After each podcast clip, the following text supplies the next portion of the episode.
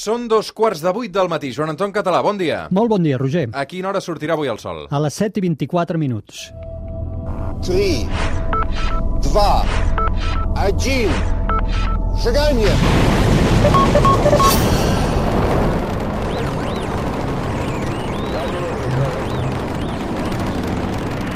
One small step for man.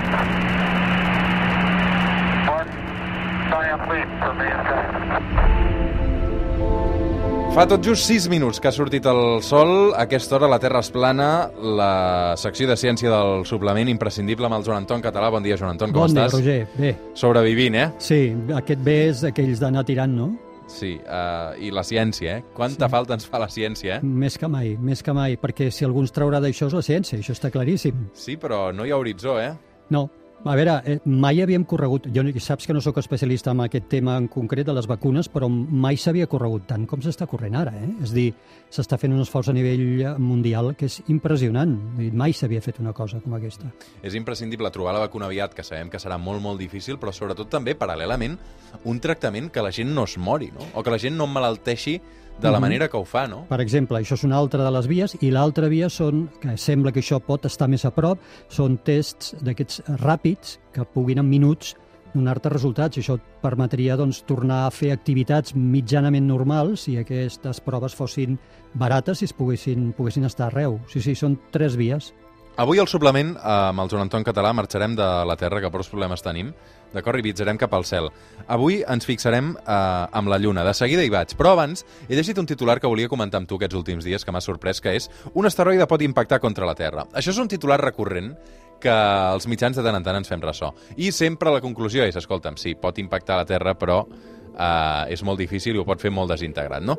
Quina veracitat hem de donar a aquest últim titular, de quin asteroide es tracta i realment eh, té el pes que pot tenir o no? Això ja ho has dit pràcticament tot, ara només falta presentar qui és el culpable, l'asteroide em refereixo.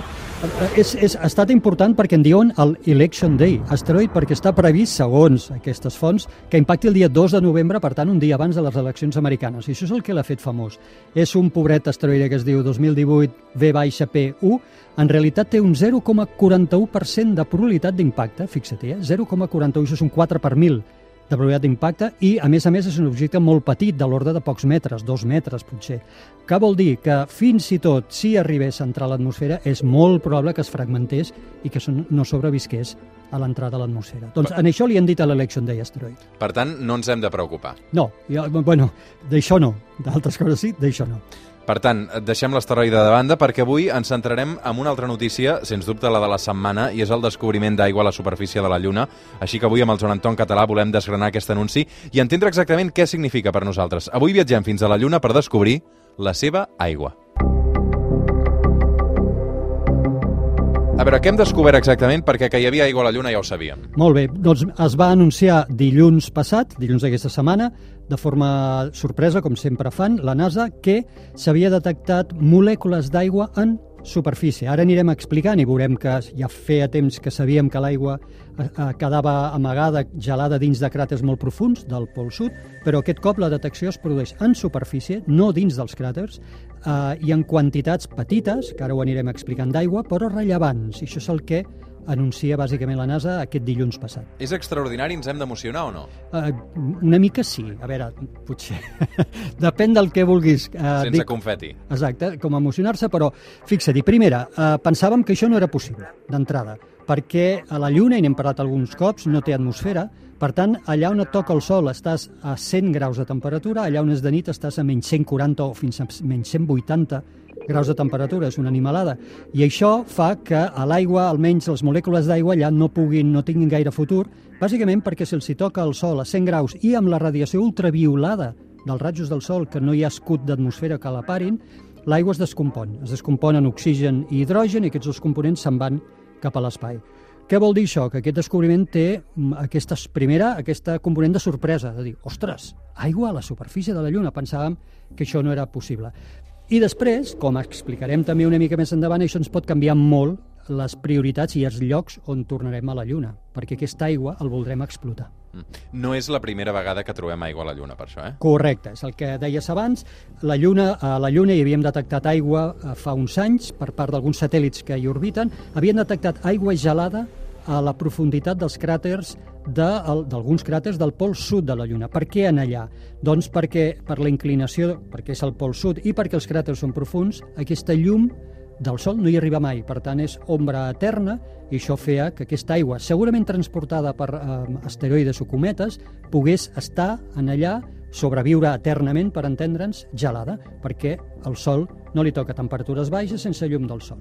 El que hem descobert, però, és que aquesta aigua eh, la trobem a la superfície, no en aquesta profunditat que comentaves. Exacte. Llavors, eh, els científics també han estat molt curosos a l'explicar-ho perquè han dit no sabem el format en el que està l'aigua. Ells en cap moment han dit aigua líquida val? o aigua gelada. No, han dit molècules d'aigua, quantitats petites d'aigua, segurament barrejades amb la sorra i protegides per eh, cavitats que es puguin formar entre roques o entre sorra perquè no els hi pugui tocar la radiació ultraviolada del Sol o fins i tot formen part de petits cristalls que es formen quan hi ha un impacte amb l'energia de l'impacte d'un meteorit, per entendre'ns, contra les roques es formen en aquell moment uns petits cristalls, doncs potser dins d'aquests cristalls, protegida aquesta aigua, eh, com et deia, dins dels cristalls. Per tant, no parlem de grans quantitats d'aigua, tampoc, No, no? No, no. parlem d'un llac a la Lluna. No, i això és una cosa que s'ha de fer èmfasi perquè a vegades la gent com és que no ho havíem descobert abans? Com és que no havíem vist rius? No? Com és que... No, no, no hi ha res d'això, no res d'això. Està, com dèiem ara, barrejada amb, amb roca i amb pols i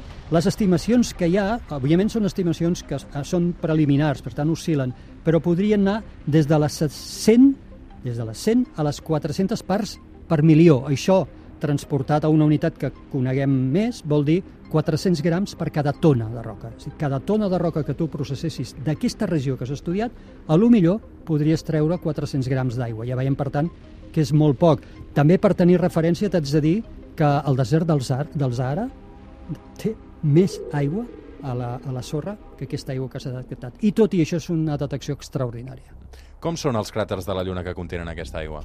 Clar, llavors tenim per una banda l'aigua en superfície, per l'altra els cràters. Cràters ja en sabíem d'aquests profuns que estan al pol sud, però també aquest dilluns la NASA eh, diríem, acaba de completar el seu anunci dient i ei, no tan sols hem descobert aigua en superfície, sinó a més a més l'hem descobert amb cràters ja no tan profuns, també molt propers al pol sud, que són microcràters, són cràters de centímetres apenes, és a dir, petits foradets, però com que estan al pol sud i per la inclinació mai arriba a tocar la llum del Sol i en aquestes zones polars també petitíssimes quantitats d'aigua estarien, aquestes sí, en forma de gel, a les diríem profunditats, si podem parlar de profunditats amb cràters d'un centímetre, d'aquests petits foradets.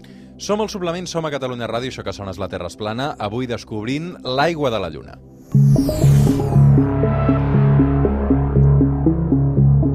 A veure, això qui ho ha descobert, Joan Anton? Com s'ha detectat aquesta aigua a la superfície? S'ha descobert amb un observatori que es diu Sofia, que, atenció, vola dalt d'un avió. És dir, es tracta d'un avió que l'han buidat per dins, un avió de passatgers, no sé quin model exactament, que l'han buidat de passatgers i han instal·lat instruments òptics per analitzar la llum que ens arriba del cel, dels objectes del cel.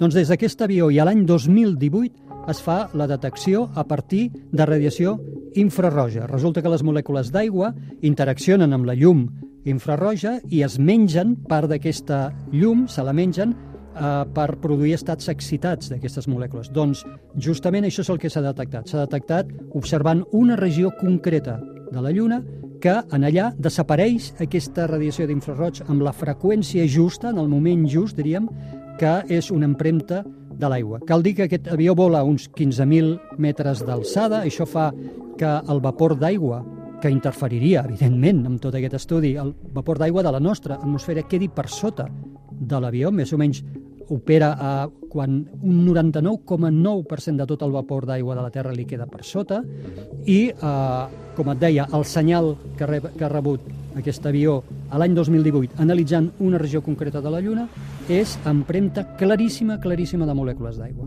Escolta'm, aquest Sofia em sona perquè eh, crec recordar que alguna vegada m'havies explicat que, tant, que costava molts diners i que tant Barack Obama com Donald Trump s'ho volien carregar, no? Sí, sí, de fet, va haver propostes directes dels dos presidents, d'Obama i de Trump, per carregar-se aquest projecte del Sofia i prioritzar-ne d'altres, però, afortunadament, els dos cops eh, el Congrés va optar per no fer cas al president i mantenir dins els pressuposts de la NASA aquest projecte. Llavors, aquest avió encara està volant i ha estat gràcies a aquest avió que hem pogut fer el descobriment.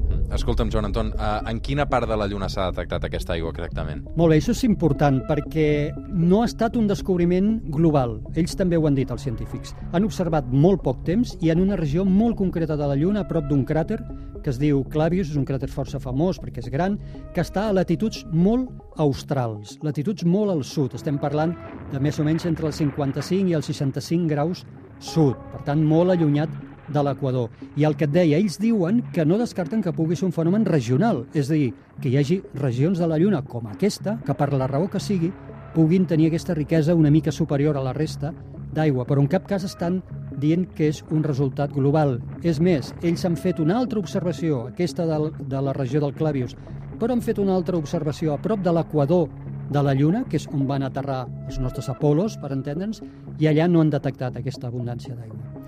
D'on ve aquesta aigua, ho sabem? No, no ho sabem. Uh, evidentment podem tenir hipòtesi d'on ve, eh, sobretot uh, pensant que uh, a la Lluna no hi ha um, oxigen ni hi ha fonts que puguin generar aquesta aigua, pensem que podrien venir segurament d'impactes, impactes de meteorits, és a dir, asteroides o cometes, que haguessin aportat de forma externa aquesta aigua. Els impactes són constants, només cal mirar la cara de la Lluna per donar-nos en compte de com de matxacada està. Doncs aquests objectes que impacten són rics amb gel d'aigua. Ens hem d'imaginar un impacte com aquest, o A no? veure, a veure. Sí, amb, la, amb única salvetat, no hi ha so. No hi ha perquè, so. No, perquè no hi ha atmosfera. Boníssim. És No veritat, so. això és una de les lliçons que... Sí, però sí que sentiríem, notaríem tremolar el terra, evidentment. Si sentiríem la, notaríem la vibració amb el tacte, sí, però i, no amb el so. No, però si poséssim un micro, segurament amb la pròpia migra, eh, vibració és possible, eh? però, però el so no es transmet eh, per l'aire perquè no hi, ha, no hi ha atmosfera. Llavors, hipòtesi dels impactes. Eh? Impactes que podrien haver dut a, constantment, com aquest que acaba de caure ara, constantment a la Lluna, eh, aigua que es perd immediatament com dèiem a l'espai, excepte si queda protegida dins d'aquests cràters o bé si queda, i encara no tenim explicació, mesclada amb petits fragments de roca i de pols en superfície en alguns llocs. Mm. Escolta'm, um, què canvia? Tot. Canvia tot. Sí perquè... no? Sí, sí, sí, sí, i tant, i tant. De fet, Home, doncs així sí que tirem confeti, no? Tu i jo no ho sé, altres a lo millor sé. Mira, la NASA, quan, eh, abans de fer l'anunci dilluns, i ja divendres, va començar a escalfar, eh? els mitjans. Escolteu que dilluns, escolteu que dilluns. Dilluns en direm una de grossa. Sí, i em van dir, en direm una grossa de la Lluna i que afecta el nostre programa Artemis, que és el programa de tornada de l'home a la Lluna. Bueno, si ho diu el Trump, dirà de tornada de l'americà a la Lluna. Llavors, els afecta absolutament a tothom ara, a totes les agències espacials, perquè fins ara el focus era Escolta'm, hem detectat aigua dins els cràters profuns del Pol Sud, per tant és allà on hem d'anar, perquè volem veure com de fàcil o difícil és explotar aquesta aigua. Perquè pensem que construir-hi bases a la Lluna, cosa que farem, necessitem que hi hagi aigua en destí. No podem portar-lo en origen, seria una animalada portar aigua. Per tant, era, anem al Pol Sud. Ara ja no és tan clar, ara és, ui, ui, ui, ui, potser ja no cal anar al Pol Sud i a les profunditats d'aquests cràters, que ha de ser complicadíssim explotar l'aigua. A lo millor és més fàcilment explotable del que pensàvem. Anem a confirmar que realment hi hagi aigua en regions que no estiguin tan austral, australs, que no estiguin tan al Pol Sud. I, per tant, ja la NASA s'ha esforçat a dir que segurament, segurament encara no han confirmat res, és possible que el lloc d'aterrament de les missions humanes que vagin a la Lluna ja no sigui el Pol Sud de la Lluna, sinó que siguin a altres llocs. I això mateix faran les demés agències espacials.